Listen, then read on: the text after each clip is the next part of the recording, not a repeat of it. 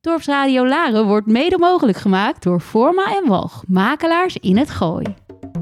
Laren uit, de wildernis in. Wekelijks neemt safari-expert en geboren laarder Frank Ranzijn je mee in zijn wereld. De wereld van ongerepte safarigebieden, de Big Five en de cirkel van het leven. Eten of gegeten worden. Een wereld vol safari-geheimen die hij met jou als luisteraar ontrafelt. Van de mooiste plekken om op safari te gaan tot de regels van de bush. Samen met prominente gasten uit de natuur- en conservationwereld neemt Frank je mee, Laren uit, de wildernis in.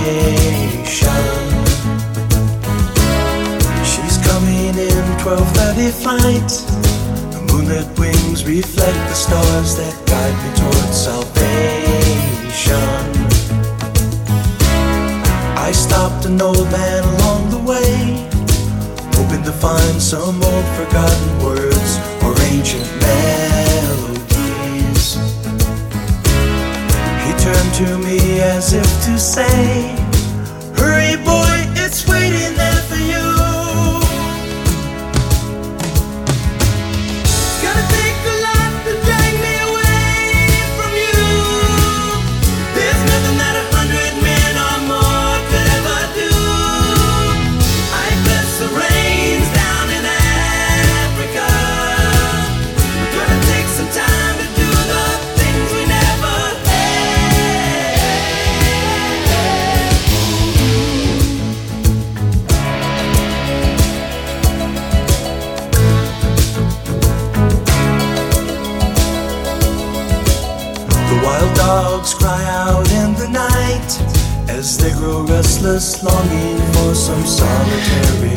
hele goede middag, beste luisteraars, hier op dorpsradiolaren.nl. Wij zijn weer ready voor een nieuwe aflevering van het infotainmentprogramma Safari Geheimen. Waarin ik natuurlijk de verwachting uitspreek de luisteraars weer te kunnen en mogen inspireren voor het maken van mooie once-in-a-lifetime reizen naar de ongerepte natuur van Safari Afrika of India. Het zijn die gebieden die u als reizigers en natuurliefhebbers de afgelopen twee jaar nagenoeg heeft moeten missen. Maar ook die gebieden die u als natuur- en wildlife liefhebbers zo hard nodig heeft om weer op te veren uit het diepe dal waaruit we met elkaar komen. Dat geldt namelijk niet alleen voor ons mensen, maar dat geldt, of heeft zeker ook eh, ja, eh, heel veel invloed gehad op het wildlife in de natuur tijdens die afgelopen twee jaar. Mijn naam Frank Ransijn, oprichter van Safari Secrets en tevens podcast-host van de eerste en enige Safari-podcast van de Lage Landen. Mijn Afrika, mijn wildlife.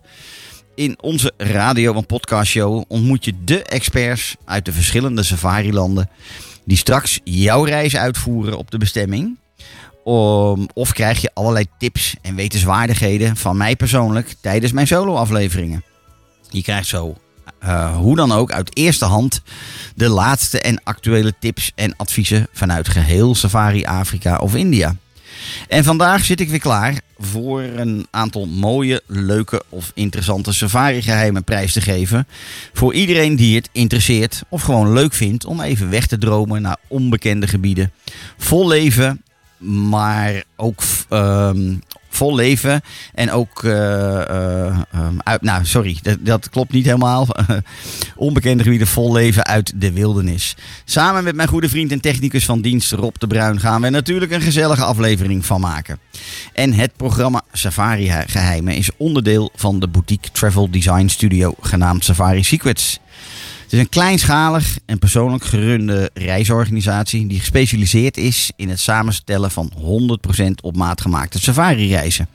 Al dan niet in combinatie met een heerlijk verblijf op een van de eilanden in de Indische Oceaan. Ik zeg, verwen jezelf ook eens een keer met een zomers, eh, met een zomers drankje, een lekker sapje. Of, eh, en, eh, en luister wat, ze vandaag, wat we vandaag voor je in petto hebben. Nou, wat zit er vandaag in de uitzending? Ik heb het genoemd A Typical Day in the Bush. Ik lees eigenlijk een soort van voor uit eigen werk na 30 jaar reiservaring in de Afrikaanse bushgebieden. Ik heb een item over nieuws vanuit het Wildlife Front. Dan vond ik het leuk om het eens te hebben over het verschil tussen wanneer op safari in de, in de droge of in de natte tijd. En wat zijn daar nou toch de voor- en nadelen van? Of bijkomstigheden. En mocht de tijd het ook nog toelaten, een bijzondere ervaring in het Wengi National Park. Ik zeg, laten we beginnen. En we beginnen vandaag met Typical Day in the Bush. En waarom? Nou, omdat we het, he- we hebben het zo vaak over eh, op safari gaan en over alles wat daarbij komt kijken. Maar er zijn natuurlijk heel veel mensen die nog nooit op safari zijn geweest. En die eh, misschien helemaal niet weten hoe dat er eigenlijk aan toe gaat. Dus aan de hand van gewoon een ochtend neem ik je in twee delen mee op een typical day in the bush. Vandaag doe ik de ochtend, dus de halve dag op safari. En over twee weken doe ik dan deel 2, de middagavond. En ik wil je vragen om probeer eens je gedachten te verplaatsen naar een authentiek tented camp of waanzinnige koloniale lodge in het hart van de pure bush van Afrika. Dat is moeilijk als je er nog nooit geweest bent, maar je kunt er overdag dromen. Je kunt er natuurlijk van alles bij bedenken. Nog mooier, sluit je ogen en luister naar hoe zo'n dag eigenlijk er aan toe gaat. Het is half zes. Als je slaapdronken wakker wordt van de lichte voetstappen die vanuit de verte jouw richting uitkomen. Eigenlijk denk je dat je nog droomt, maar toch hoor je een paar keer iemand iets roepen. En of het nu een donkere mannenstem is of een bijna vrolijke, lichte vrouwenstem, eigenlijk besef je opeens dat er gezegd wordt: knock knock, good morning.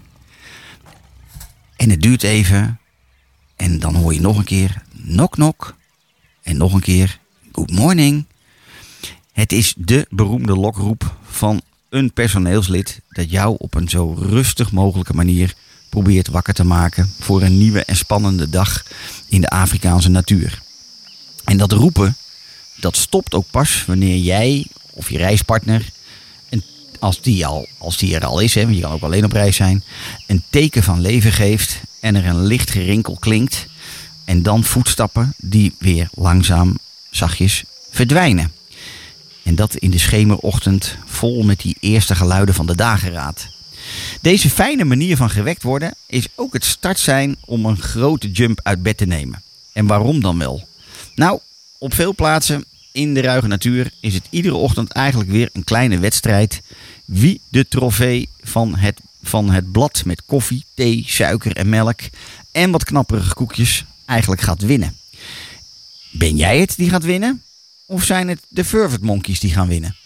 Deze kleine apensoort is namelijk ontzettend gek op deze lekkernijen. En die zijn overal te vinden in de bush. En het zijn deze apen die iedere ochtend geduldig wachten tot de wedstrijd begint. Ze weten namelijk dat er iemand gaat komen met deze lekkernijen en dat voor mijn deur gaan neerzetten of wie daar dan op dat moment ook slaapt. En je kunt maar beter de eerste zijn aan de deur, want anders is het recept voor lekker rustig wakker worden een bende en loop je de koffie gewoon domweg mis. Het opstaanritueel op safari is kort. En waarom? Nou ja, dat heeft alles te maken met je wordt ontzettend vroeg gewekt. En men wil er zo vroeg mogelijk eh, op uit. Dus men geeft je relatief weinig tijd. Dat betekent een snelle smak water in het gezicht. Een pet op om je bed hair day te verdoezelen. En de razende tandenborstel door het gebitje. Om vervolgens snel die ontzettend charmante safari kleding weer aan te trekken. Je trekt je schoenen aan zonder te vergeten dat deze eerst even omgekeerd moeten worden om de eventuele schorpioen uit je schoen vrij te laten. En dan dien je eigenlijk rond kwart voor zes, lees zes uur in de praktijk, want dat red je gewoon niet in een kwartier, ehm, word je aan het kampvuur verwacht. Ehm, en daar knappert het haardvuur alweer heerlijk. De koffie en de thee die staan boiling hot te stomen. en het zachte praten van de vroeg lees gasten en personeel, de vroeg aanwezigen in het kamp. De, de, de, het zachte praten komt je tegemoet. Dan is het zes uur. En je doet na een haastige good morning, did you sleep well, te goed aan een licht ontbijt met, eh, nou ja, gewoon eh, lichte, eh, lichte ingrediënten. Cereals, yoghurt, squarks, een snelle snee geroosterd brood met jam. Of een heerlijk Afrikaans gebakken koekje. En alles om niet met een rommelende maag die open Land Rover in te stappen.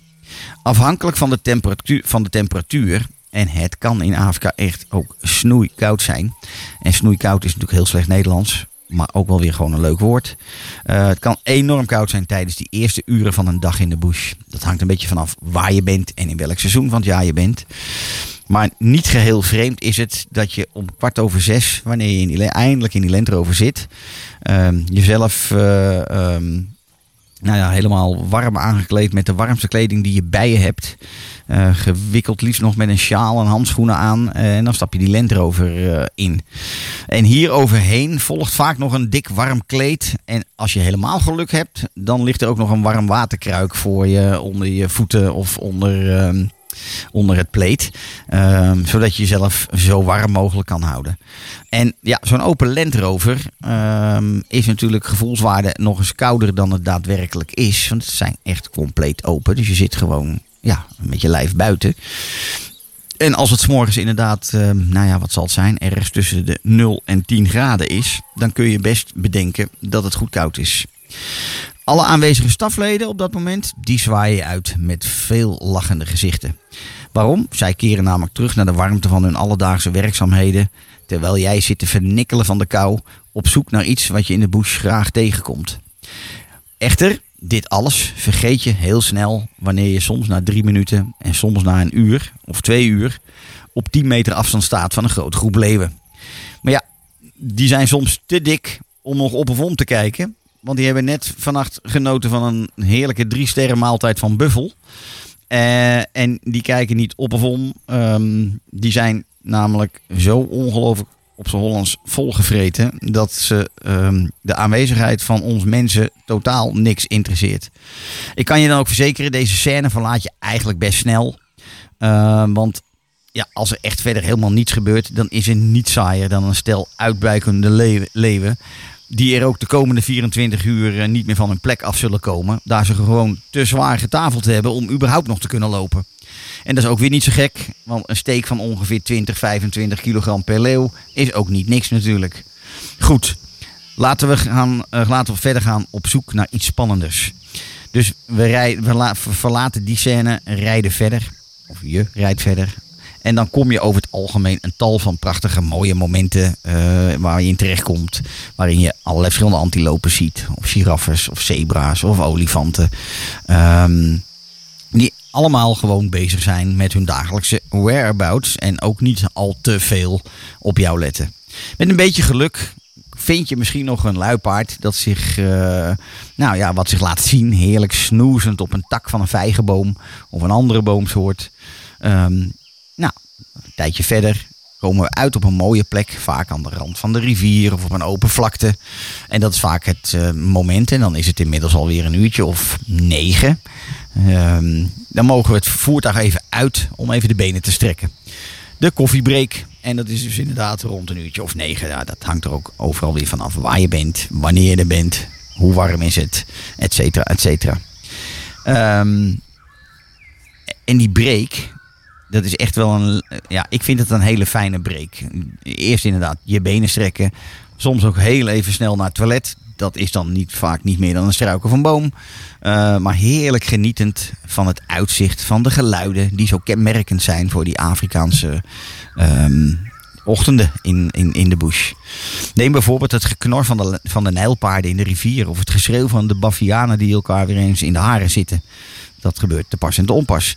Het hoort er allemaal bij en ik vind ook niets fijner dan genietend van een kop koffie te staren naar al het moois wat er in de vette te zien is. Ik ben dan persoonlijk ook iemand die me graag even afzondert en stilletjes en alleen alles in, uh, in me op wil slaan. En te denken, wat uh, te overdenken hoe ongelooflijk prachtig die natuurwereld toch is en hoe bijzonder. Dan na die break, ongeveer een half uurtje later, dan ehm, volgt deel 2 van die ochtendsafari. Eh, en dan is, het ook, eh, is het rond een uur of half tien. En is het ook verbazingwekkend om te merken hoe hard die temperaturen in een paar uur tijd enorm kunnen stijgen 's morgens. De lange broeken maken vaak dan ook plaats voor de beroemde afritsbroeken. En we stappen weer in om de ochtendsafari verder af te maken. Nou, afhankelijk van wat je tegenkomt, eh, ben je terug ergens tussen 10 en half 12. Dat kan echt heel erg variëren, want kom jij een, noem maar wat, groep wilde honden tegen. ehm, daar blijf je zo lang mogelijk bij als dat, eh, als dat zij het toelaten. En als dat een uur duurt, dan ja, ben je wat later terug in de lodge. Gemiddeld genomen kom je ongeveer zo rond die klok van half elf terug in de lodge. En is het ook heerlijk om een douche te nemen in die open air shower die de meeste kamers in safari kampen hebben. Ehm, en, en ja, buiten het feit dat wij dat natuurlijk hier in het Westen compleet niet gewend zijn. Het hoort ook echt bij Afrika. De meeste hebben binnen een, eh, een binnen een douche en een buitendouche. Maar er is niets lekkerders dan bij een lekkere temperatuur, nog niet te heet, die douche te nemen. Nou, ongeveer 12 uur. Je kijkt nog even snel die foto's terug van de, van de ochtend die je gemaakt hebt. En je maakt je klaar voor een goede en uitgebreide brunch of lunch. En die brunch of lunch in Afrika is doorgaans echt een waar feestmaal. Het is vaak veel te veel aan overheerlijke gerechten die je allemaal wilt proeven en niet kunt weerstaan. Want of het nu warm of koude gerechten zijn, van kiesjes tot koude pasta salades en, en, en nou, je kunt allemaal zo gek niet, eh, niet verzinnen. Het is allemaal overheerlijk bereid door het veelal lokale personeel. Deze jongens en meiden zijn echt de helden van de Afrikaanse keuken. Als je daarnaast bedenkt dat ontzettend veel gerechten, maar bijvoorbeeld ook vers brood gebakken wordt en, en gerechten klaargemaakt wordt eh, op een simpel open vuur in de grond, dan eh, ga je het safari life steeds meer waarderen. Er is ook niets leukers om een keer te zien hoe die jongens of vrouwen eh, die maaltijden bereiden. En eh, hoe, hè, hoe ze dat op dat open vuur heel veel eh, ehm, bereidingen doen. En ik vergeet nog te zeggen, of het nu een brunch of lunch betreft. Er is natuurlijk ook altijd een mooie koele wijn die de maaltijd weer vergezelt en vervolmaakt. En of dat dan om 11 uur is of om 12 uur, dat maakt in de Afrikaanse bush niet zo heel veel uit. Goed, dit is deel 1 van het Typical Day in the Bush. De volgende keer, keer doe ik deel 2. We gaan een liedje luisteren. En dat is een Afrikaans liedje, Wale Watu van Kajanin.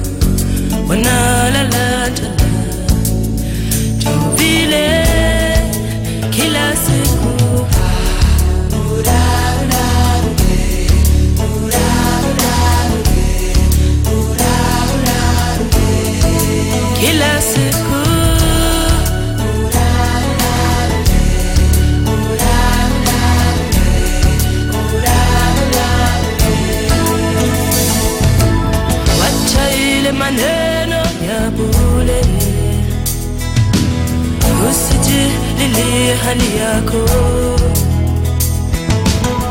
wewe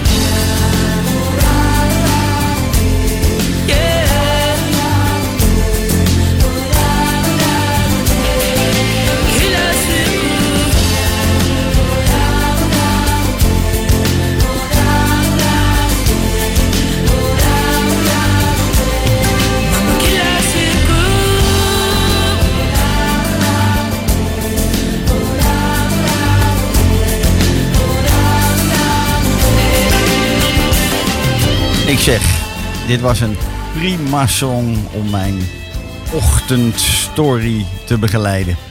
Nou, denk je nu, of klinkt dit alles goed in, je, in de oren? En denk je eigenlijk na de eerste helft van de Typical Day in the Bush, dit wil ik ook?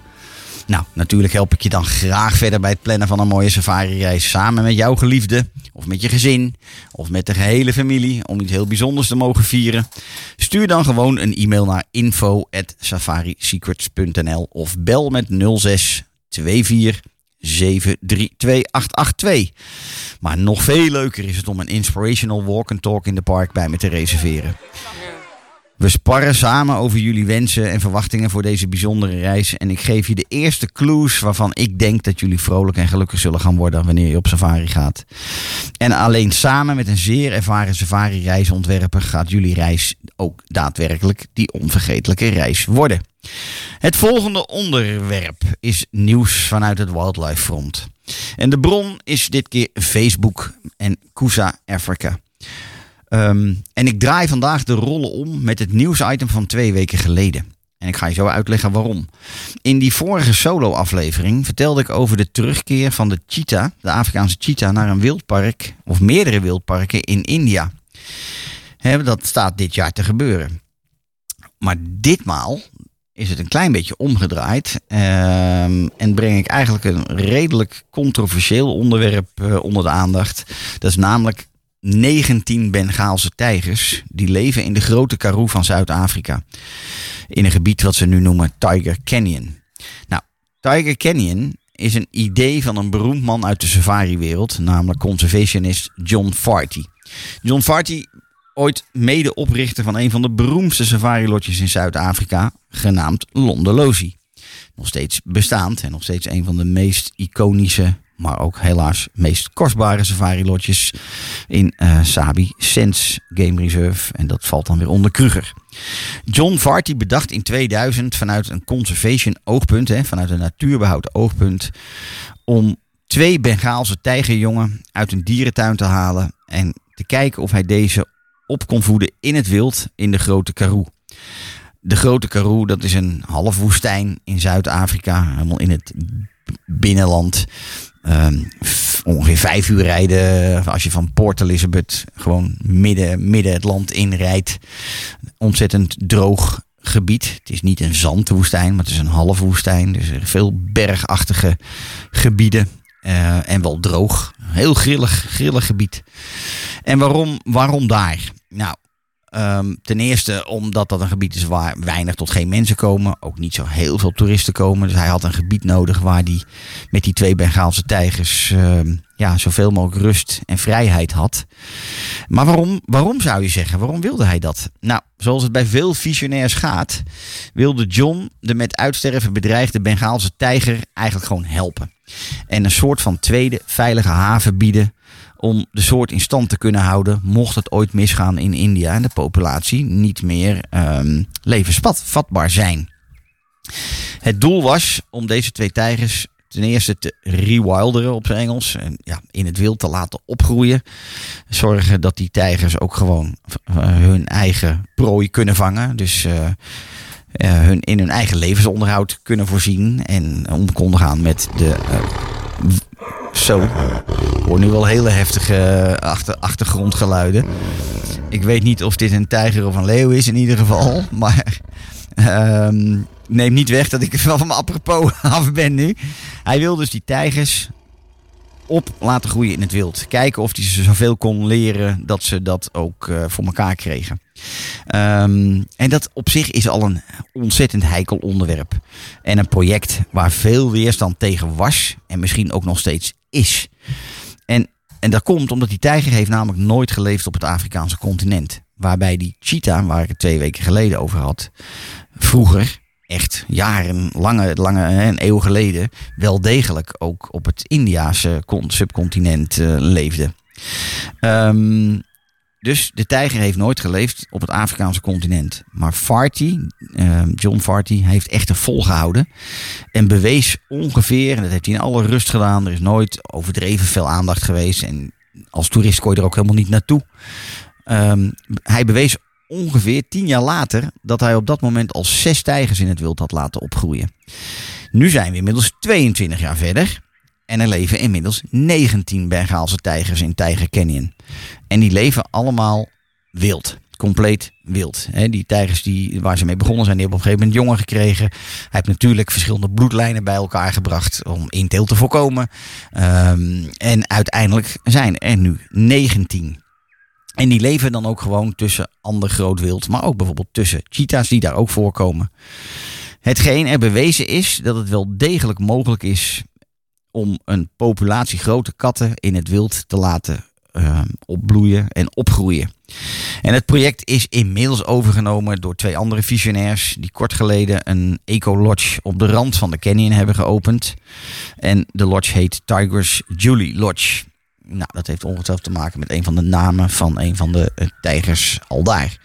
Het is dus nu wel mogelijk om in een reis en de Afrikaanse Big Five te zien, maar dus ook de Bengaalse tijger.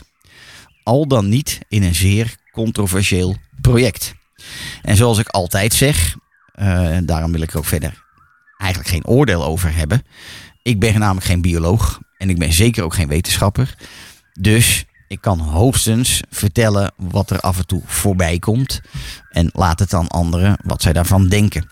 Het is ongetwijfeld een discussie die zeker nog wel even voort, zal voortduren.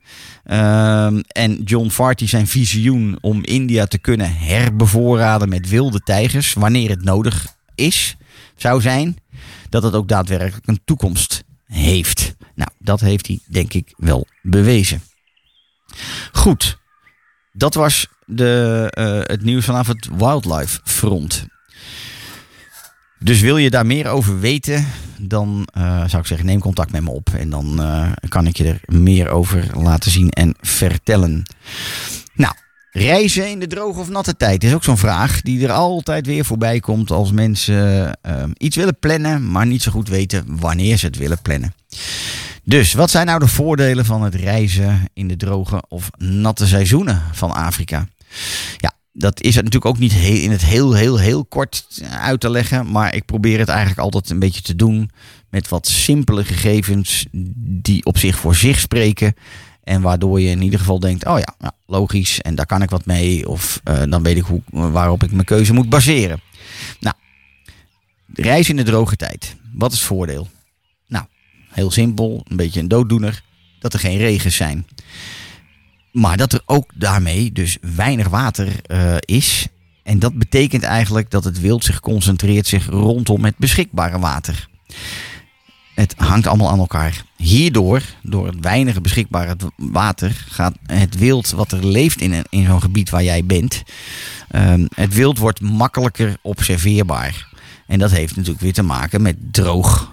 Droogte betekent gras is lager, is kaal gevreten. Er is minder vegetatie aan bomen en struiken. Ehm, dus wild observeren wordt gewoon, wordt gewoon daardoor makkelijker. Dus, voorbeeld, september, eigenlijk laat augustus, september, oktober zijn voor veel echte safari-liefhebbers de populairste tijd om in bijvoorbeeld de hele ehm, zuidelijke Afrika-regio op safari te gaan. Dat is het einde van de droge tijd. Hoe droger, hoe makkelijker het wild observeerbaar wordt, hoe minder water, hoe meer het zich concentreert, et cetera, et cetera. Maar Ehm, zitten er ook nadelen aan aan die droogtijd? Ja, zeker. Want het is daarmee dus ook gewoon wat drukker qua toeristen. En het kan ook nog eens een keer in een deel van die droge tijd extreem, nou niet extreem, enorm koud zijn. En dat is wat ik je eigenlijk vertelde in de Typical Day in the Bush. S'morgens te voet of in een Land Rover om 6 uur bij 0 tot 10 graden. Ik noem dat altijd crispy cold. Dan, eh, dan heb je echt niet alleen maar een t-shirtje aan. Dan loop je echt in alles wat je maar bij je hebt om eh, lekker warm te blijven. Eh, en dat verschuift natuurlijk in bepaalde landen. ehm, en naarmate die droge tijd vordert. Want ga naar diezelfde droge tijd in bijvoorbeeld Zambia en Zimbabwe in september, oktober. Nou, dan is het niet meer koud, maar dan is het gewoon ronduit heet. En dan hebben we het over 40 graden plus. Ehm, dus daar moet je ook tegen kunnen. Dus Ehm, ja, het kan koud worden, maar dat is dan vooral in de echte wintermaanden in Zuidelijk Afrika. Bijvoorbeeld in Oost-Afrika werkt het eigenlijk weer heel anders, omdat het te veel gematigder klimaat heeft. Ehm, in de warme maanden van de droge tijd is er ook heel veel stof in de lucht en dus wat vuiler. En dat betekent weer dat het wat minder fotogeniek is voor fotografie. En het is tevens ook vaak de wat duurdere reisperiode. Waarom? Het is drukker. Meer vraag betekent gewoon hogere prijzen.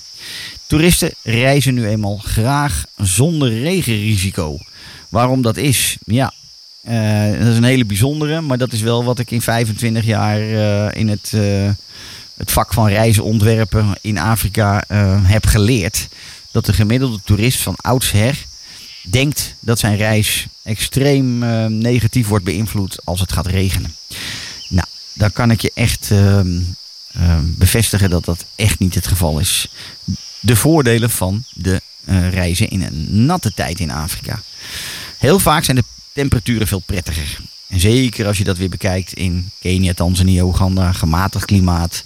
ehm, veel minder extreme. Het is er gewoon net, net een beetje meer ehm, tussen de, nou, let's say 15 en 30 graden. En er zitten wat minder van die uitschieters in. Het is in die, in die natte tijd natuurlijk, als er al regen is gevallen, veel groener. Het is stiller, want we hebben net gemerkt dat de gemiddelde reiziger reist niet in de natte tijd, want dat vindt hij te gevaarlijk, te risicovol. Het is een veel mooiere tijd voor fotografie. De lucht is vele malen schoner, de stof is er namelijk uit. Eh, dus dat zijn echt allemaal voordelen van reizen in de, in de natte tijd. Er zijn minder toeristen. Het is voordeliger. Veel voordeliger vaak. Misschien wel 30 tot 40 procent. Waarom? Omdat men probeert toeristen te trekken in dat groene seizoen, in dat natte seizoen. Met gunstig, eh, gunstige prijzen. Dus ook dat kan best wel eens een keer uitmaken wanneer je iets aan het plannen bent en niet gewoon de absolute hoofdprijs wil betalen. Nou, wat heb je nog meer met die regentijd? Want de regentijd, het is ook nog steeds niet zo dat het regent. Het is de tijd waarin de regens kunnen vallen. En wat er vaak gebeurt, is dat er dagen, weken van die prachtige, dramatische luchten zich ontwikkelen. Iedere dag weer. Maar dat die regen niet valt. Maar dat wel iedere middag zo tussen, nou ik noem maar wat, drie en zes. Die luchten soms echt waanzinnig zijn. En dat het ook nog wel eens enorm kan eh, bliksemen. Maar dat die regen gewoon uitblijft. Of dat die regen drie kilometer verder ehm, op een heel klein gebied wel valt. Maar net niet waar jij, nou, waar, jij bent. Nou, het nadeel van. Want er zijn ook nadelen. Hè? De medaille heeft zoals gewoon ook twee kanten. Het nadeel zou kunnen zijn ehm, dat de regen je safari-dag een keer verziekt of beïnvloedt. Als het echt stortregent, dan is in een open Land Rover zitten of op een wandelsafari gaan is gewoon niet het allerleukste.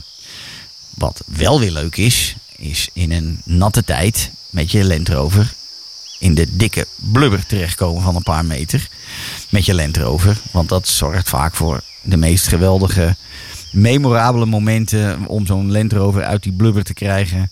Eh, waarna je aan het eind, als dat gelukt is, er allemaal uitziet als, nou ja, alsof je net door de schoorsteen bent gevallen. Ehm, dus dat kan ontzettende hilarische herinneringen opleveren. Maar het kan dus wel degelijk ook een keertje een dag eh, ja, je, je safari-ritme verstoren. Maar is dat nou dagen? Ja, dat is, eh, dat is een moeilijke. Tijdens de El Nino-achtige periodes kan het inderdaad ook echt wel veel regenen. Tref je dat, dan heb je echt pech gehad. Daarvoor betaal je dan ook beduidend minder. Komt dat nou heel veel voor? Nee, gelukkig niet. Ik ben zelf vaak eigenlijk in die regentijd in Oost-Afrika geweest. In de lange regenperiode. Nooit weggeregend. Ik ben een keer eh, in de Serengeti geweest in de korte regenstijd. Waarin ik wel iedere dag regen had. Maar inderdaad vaak een buitje. Een uur, nog een uur later scheen die zon weer. Dan kwamen al die grote leeuwengroepen tevoorschijn. Die gingen allemaal boven op die rotsen liggen zonnen. Ik heb nog nooit zoveel leeuwen in één week gezien als in die week in de regentijd in de Serengeti. Er zitten altijd voordelen ook weer aan de eh, nadeelkant. Ehm, nou, wat is er nog meer aan nadeel bij ehm, re- regens? Als de regen is gevallen, dan betekent dat wild observeren ook iets lastiger kan worden.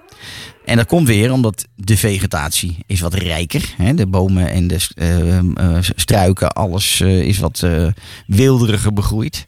En er is meer water voorhanden voor dieren, waardoor het, het wild zich ook verspreidt. Ehm, en het kan goed warm zijn in de natte zomers van Afrika. En ook dat allemaal heel gener, genera- generalistisch gesproken. Want het hangt echt van het land af waar je bent. En dus welke, welke zomerperiode in welk land maakt ook nog eens een keer uit. Dat een klein beetje hopelijk als in... ehm, ja, als ik nou een reis wil plannen. Waar moet ik dan op letten? Wat is nou het voordeel van het een en het ander? Nou, dan kan je dit natuurlijk ook nog eens een keer terugluisteren. Ofwel, ik kan het je nog een keer vertellen. Ofwel, iemand anders gaat het je vertellen. Eh, dat mag allemaal. Ehm, maar dat je inderdaad wel degelijk weet. ehm, ja, dat het groene seizoen, zoals ik het altijd noem. Is eigenlijk een van mijn favoriete seizoenen. Puur vanwege die rust. De vele trekvogels. Die dramatische luchten. Eh, de wetenschap dat inderdaad als het geregend heeft, die grote katten zich heel makkelijk laten zien als het zonnetje weer doorkomt. Omdat ze zich dan alleen maar willen opwarmen en ehm, zich helemaal niet verstoppen voor jou. Ehm, hè, dus dat zijn vind ik allemaal eh, voordelen naast de prijs en et cetera, et cetera. Goed, tot zover het voordeel van reizen in de droge of in de natte tijd. Ik wil jullie nu meenemen op een best wel bijzondere ervaring die ik, eh, ehm, die waarover ik wat wil vertellen. En dat heet The Elephant Express in Wengi National Park. Waarom wil ik dat vertellen? Nou, omdat ik denk dat het een van die ehm, safari-geheimen is die helemaal niet zoveel mensen weten dat die bestaat. En dat het een van mijn meest eh, ook weer ehm, mooie herinneringen is geweest die me altijd is bijgebleven. En eh, waarvan ik denk van, je zou het minstens een keer in je leven gedaan moeten hebben. Ehm, en ik hoor de olifant alweer op de achtergrond. Nou, dan ben je in Wengi aan het goede adres. Want die zijn er zat. En meer, meer dan genoeg. Deze is een klein beetje in stress zo te horen. Dus ik hoop dat we hem eh, tot rust kunnen manen. Ehm Wengi National Park in Zimbabwe. Ehm, de Elephant Express. Dat is een treintje. Dat rijdt van Centraal Wengi naar Zuid Wengi. Kom ik zo op terug. En Wengi National Park is ook wel de place of the elephants. Het is een machtig natuurreservaat op ongeveer vier uur rijden vanaf Victoria Falls. En het is het grootste nationale park van Zimbabwe. Met ongeveer een grootte van 14.500 vierkante kilometer groot. Dat is best wel groot. En het natuurpark voor ongekende. eh, eh, dus is, het is een natuurpark voor ongekende ervaringen. En het heeft tal van ecosystemen. Van hele dicht begroeide mopanenbossen in het noorden. tot uitgestrekte savannes en graslanden. Veel meer naar het zuiden toe. En natuurlijk kun je hier per voertuig van A naar B. Of je kan per Cessna vliegtuigje van A naar B. Maar wil je het park nou eigenlijk echt op een unieke manier ontdekken? Dan zou ik dat echt adviseren om dat bijvoorbeeld te doen met een transfer van die Elephant Express. Nou is dat in eigendom van een safari operator, Imvello Safaris. Dus als jij in een ander kamp dan van hun verblijft, dan kan je daar niet zomaar op mee. Dus je moet wel verblijven in hun safari kampen in Wengi. Dat is geen straf, kan ik je melden. Ehm, maar die Elephant Express, dat is echt een bijzonder treinstel. Het is een omgebouwde treincoupé met zowel aan de voor- als de achterzijde eh, een Land Cruiser motor erin gebouwd. Aan beide kanten. Zodat hij en de ene kant op kan rijden en de andere kant op kan rijden. Ehm, dus hij kan zuidwaarts en hij kan noordwaarts. Er loopt inderdaad dus ook een spoor door Wengi National Park. Ook gewoon een openbaar spoor. Waar het eh, openbare treinverkeer van Zimbabwe dus ook over rijdt. Ehm, nou, wil je nou zien waarover ik vertel? Dan zou ik zeggen, google heel even op The Elephant Express met een dubbel S. En dan zie je hoe jouw ervaring eruit kan gaan zien wanneer je van noord naar zuid of vice versa wilt reizen in dit immense park. Waarom is het zo leuk? Nou, ten eerste omdat die trein dwars door wildgebied rijdt. Hij is compleet open. hè. Het, er zitten geen ramen in, er zit wel een dak boven. De coupé biedt slechts plaats aan ongeveer, eh, nou, ik denk 20 mensen. Het is een kruising tussen een. Ja, de rit zelf is een kruising tussen een game drive en een treinrit dwars door de bush. Hoe lang duurt dat ritje? Nou, van Dead Railway Station in Centraal Wengi naar Ngamo Siding. Dat is dan weer het, het stoppunt in het zuiden. ongeveer twee tot vier uur rijden. Waarom kan ik daar niet wat duidelijker over zijn? Nou, dat heeft alles te maken met dat het eh, treinverkeer, het publieke treinverkeer, uiteindelijk gewoon voorrang heeft op dit commerciële, gekke treintje. Wat men ooit bedacht heeft, want het is eigenlijk geen echte trein. ehm, om gewoon hun gasten vanuit de ene lodge naar de andere lodge te transfereren. En dat over een spoor. Ehm, soms moet het dan ook met, de, met, met deze coupé, met die Elephant Express, gerangeerd worden, als ik het goed zeg. Maar goed, ik heb hier een, eh, een treinman naast me zitten als technicus. Volgens mij heet dat zo. Eh, ja, soms moet er gerangeerd worden, zodat het publieke treinverkeer eerst voorrang krijgt. Eh, en als dat eenmaal voorbij is, en dan moet je dan ook vaak nog even een kwartiertje op wachten voordat ze er zijn, dan kun je weer verder. En dat betekent dat daarom de treinrit ook nooit exact zeker is hoe lang die precies gaat duren. Maar het is nooit veel langer dan, eh, nou, wat ik zei, twee tot vier uur. Ehm, soms wordt er ook een andere soort vertraging opgelopen. En dat komt, en ook weer als je eh, googelt en je ziet de foto's en de leuke filmpjes die daarvan zijn, dan zie je hoe dat komt. Want wat er bijna altijd wel gebeurt, is dat je vertraging oploopt omdat er wild op het spoor is. En dat is de ene keer gewoon een grote toren aan giraffes, zoals dat zo mooi heet bij giraffes. Een Tower of Giraffes, hè, dat is een groep eh giraffen, eh, die over willen steken. Nou, dan stopt hij gewoon. Maar, eh, en die foto's staan ook op de website van Elephant Express. Soms liggen er ook gewoon een paar immense leeuwen op die treinrails. Ja, dan stopt die ook. En dan heb je maar te wachten totdat die leeuwen denken, nou, eh, die liggen vaak te zonnebaden op die warme rails. Eh, en als die geen zin hebben om op te staan, dan, nou, dan kun je wortel schieten op z'n Hollands. En dan kun je er echt niet voorbij. Maar dat maakt uiteindelijk deze hele ervaring tot echt wel een hele bijzondere ervaring. Buiten de prachtige landschappen die er aan je voorbij trekken. Ehm, en eh, natuurlijk word je onderweg gefetteerd door de eigenaar van die safarikampen en dat treintje, Imvello Safaris. Ehm, zij vetteren je onderweg met een hapje, met een drankje, soms ook gewoon een volledige lunch. En de rit wordt daarnaast ook nog eens verrijkt door de verhalen van de gids die aan boord meegaat. Tevens volgens mij ook de machinist. Ehm, en natuurlijk wordt er onderweg gestopt wanneer er iets bijzonders te zien valt op wildgebied.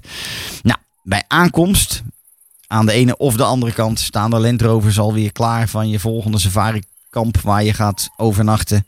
En die brengen je in, aan de ene kant in slechts enkele minuten naar jouw volgende eh, overnachtingsplek. En aan de andere kant duurt het iets langer, is het iets langer rijden. Volgens mij drie kwartier rijden of zo. Maar al met al een echte once in a lifetime ervaring die je één keer in je leven gedaan moet hebben als je echt van Safari Afrika houdt.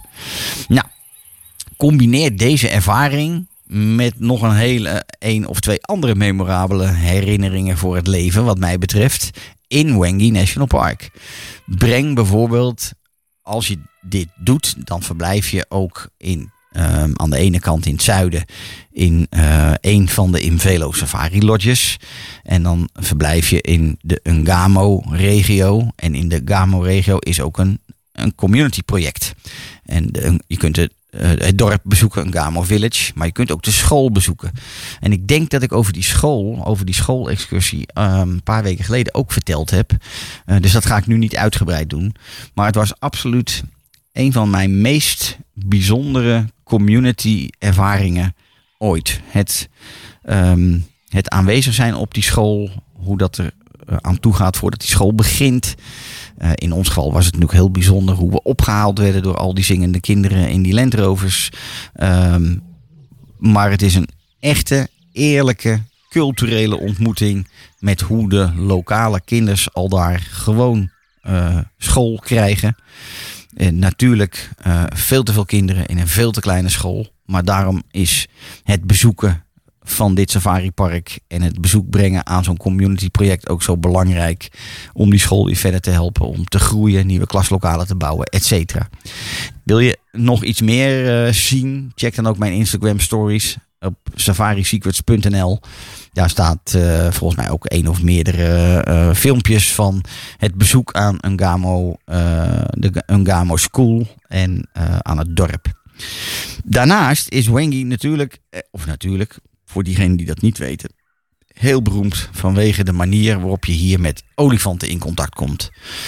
Dat gebeurt eigenlijk ook wel weer op drie verschillende manieren. Tijdens je safari-tochten kun je bijna niet om de olifanten heen, want die zijn hier talrijk aanwezig. En dat zal ook niet ieder, iedere dag het hele jaar door zijn. Dat is met periodes, want die trekken ook van gebied naar gebied vanwege voedsel. Maar doorgaans ontzettend veel olifanten. Ehm, en heel veel lotjes die staan erom bekend eh, om het volgende fenomeen. Dat s'avonds enorme aantallen olifanten komen drinken bij de waterdrinkplaatsen. Die zij vaak hebben ge, ehm, ehm, de waterputten die ze vaak hebben eh, geslagen vlak voor de lodge. Dat zijn ehm, bijna allemaal door de, eh, door de mens gemaakte waterdrinkplaatsen in Wengi. En Wengi wordt wat dat betreft ook onderhouden door de safari-industrie. En Invello is dan weer de organisatie die al die waterputten, of waterdrinkplaatsen, eh, onderhoudt. Zodat die olifanten, die grote populatie olifanten, niet van droogte omkomt. Dus dat is echt een, een, een verhaal apart. Daar zou ik eigenlijk eens een heel apart verhaal van moeten maken. Maar dat neemt niet weg dat als jij s'avonds in je lodge bent en je lekker zit te nippen aan je amarula met ijs of je gin en tonic aan de waterdrinkplaats op het terrasdek van de lodge. En er staat op 10, 20 meter staan er ongeveer, nou, noem maar wat, tussen de 5 en eh 25 olifanten te drinken uit de waterdrinkplaats. Terwijl het donker wordt. Dat is een magnifieke ervaring. Zo dichtbij. Je komt gewoon nooit dichterbij dan dat. En al helemaal niet in de zeer comfortabele situatie waarin je op dat moment bevindt. Hè, veilig, vaak, tussen gewoon een, vaak zit er gewoon een soort hekje, verhoging met het dek. En daar beneden de drinkplaats. Die olifanten, die interesseert het helemaal niet dat jij daar bent. Eh, die weten dat dat veilig is. En het is ook eh, de perfecte manier om je diner te starten of te eindigen. Wanneer deze kolossen op een paar meter afstand van jou staan. Daarnaast is er nog een optie om met olifanten in Wengi op een bijzondere manier in contact te komen. Dat is dat de, de meeste pro-Zim guides, hè, de, prof, de professional Zimbabwe gidsen, dat zijn de best opgeleide safari gidsen van het land, eh, vaak de, de gast de optie bieden om een olifant te voet te benaderen. En dan noem ik dat altijd maar de Zimway. En wat betekent de Zimway? Nou, dat is niet anders dan samen met je gids te voet een olifant benaderen en kijken tot hoe dichtbij je kunt komen. Dat klinkt misschien een beetje bizar, maar die jongens weten als geen ander wat ze doen en wat ze wel en niet kunnen doen. En je hebt ook maar te luisteren naar die gids. Daarnaast is die gewapend. Dus in ex- extreem eh, eh, vervelende situaties of noodgevallen kan die daar iets mee. Maar dat zal die als laatste, aller, aller, allerlaatste redmiddel gebruiken. Ehm, en waarom is het zo mooi? Ook daarin, als hij je weet te brengen op, noem maar wat, 5 tot 10 meter tussen jou en een olifant, zonder enige barrière tussen jou als kijker en het dier in kwestie, dan kan ik je vertellen, de adrenaline spuit je oren uit. Je, je, je, je hart klopt op plekken waar je nooit wist dat die zou kunnen kloppen. Ehm, maar het is absoluut ook weer een van de meest geweldige ervaringen om in de bush mee te maken. Ehm, ik heb daar volgens mij ook wel eens eerder een, een, een wat uitgebreider verhaal en ook een keer een blog over geschreven. Eh, die jongens die vertellen je van tevoren eigenlijk al het hele scenario hoe het zich gaat afspelen. Die weten precies hoe die olifant gaat reageren als die je opmerkt. Hij vertelt ook van op het moment dat die op een gegeven moment is er een moment dat die olifant eigenlijk op jou afkomt. Want zicht is niet zo goed.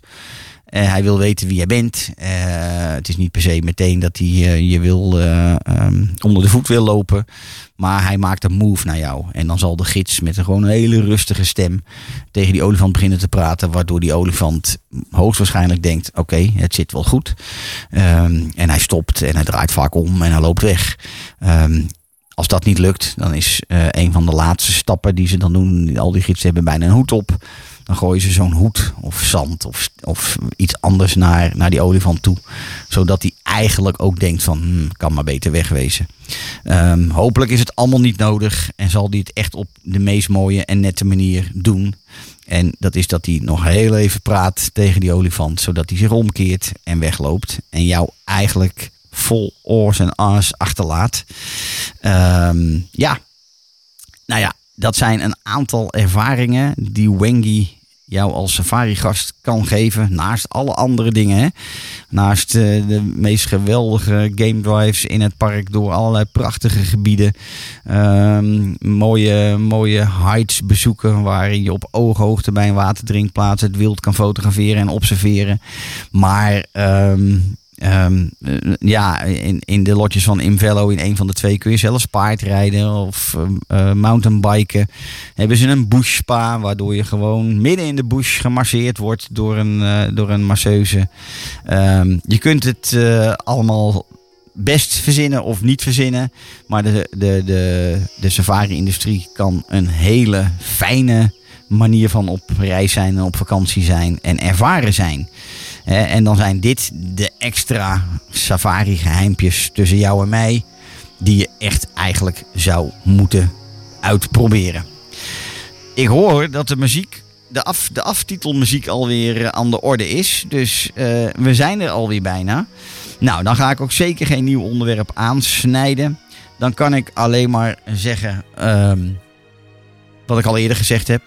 Als je het leuk vindt om eens een keer verder te praten over een mooie plannen trip naar Afrika of Safari India. En Safari India ook natuurlijk cultureel India. Maar mijn, ehm, ja, mijn insteek is nou helemaal conservation travel. Dus ik probeer ten alle tijden natuuronderdelen in de reis op te nemen. Wil je daar eens met me over eh, verder praten? Dan kun je me dus vinden op de social media kanalen. Overal onder de naam safarisecrets.nl. Zowel op LinkedIn als op Instagram als op Facebook. En ehm, wanneer je de radio-uitzendingen als podcastaflevering nog eens een keer zou willen terughoren. Ten eerste zou ik dan zeggen, ga naar jouw favoriete podcastkanaal. En of dat dan Spotify of Google of Apple is, daar ben ik allemaal te vinden. Eh, druk dan op het beroemde knopje van volgen of subscri- subscribe, zodat je ook iedere twee weken, dat is mijn normale eh, publicatieschema, iedere twee weken met af en toe een extra bonusaflevering er tussendoor. Ehm, druk op volgen en je krijgt iedere keer een mooie melding dat er weer een nieuwe, klaar, een nieuwe aflevering voor je klaar staat. Op die manier kun je prima op de hoogte blijven van alles wat er gebeurt in de natuurgebieden, de ongerepte gebieden van deze twee prachtige bestemmingen, Afrika en India. En ehm, natuurlijk kun je dus de mail sturen naar info.safarisecrets.nl of geef me een belletje of een DM'tje op Instagram. Ik wens jullie allemaal een hele fijne avond toe. Volgende week, ook nog wel leuk, volgende week te gast Maurine Kroon met haar kroost, haar twee dames. Ze zijn net eh, een week of twee, drie geleden teruggekeerd uit eh, Tanzania, waarin eh, ze een heerlijke week in Tanzania zijn eh, verbleven en waar ze over komen vertellen. En het leek me ontzettend leuk om die twee dames van zes en zeven ook aan het woord te laten. Dus volgende week gaat een iets andere uitzending worden. We gaan zien hoe dat werkt. Maar eh, het, een gesprek met moeder en dochters over een prachtig... Hakuna Matata, zegt Rob. En inderdaad. Dus we gaan zien hoe dat werkt. Fijne avond. Volgende week, zelfde tijd, zijn we er weer. En eh, spreken we elkaar weer verder. Dankjewel.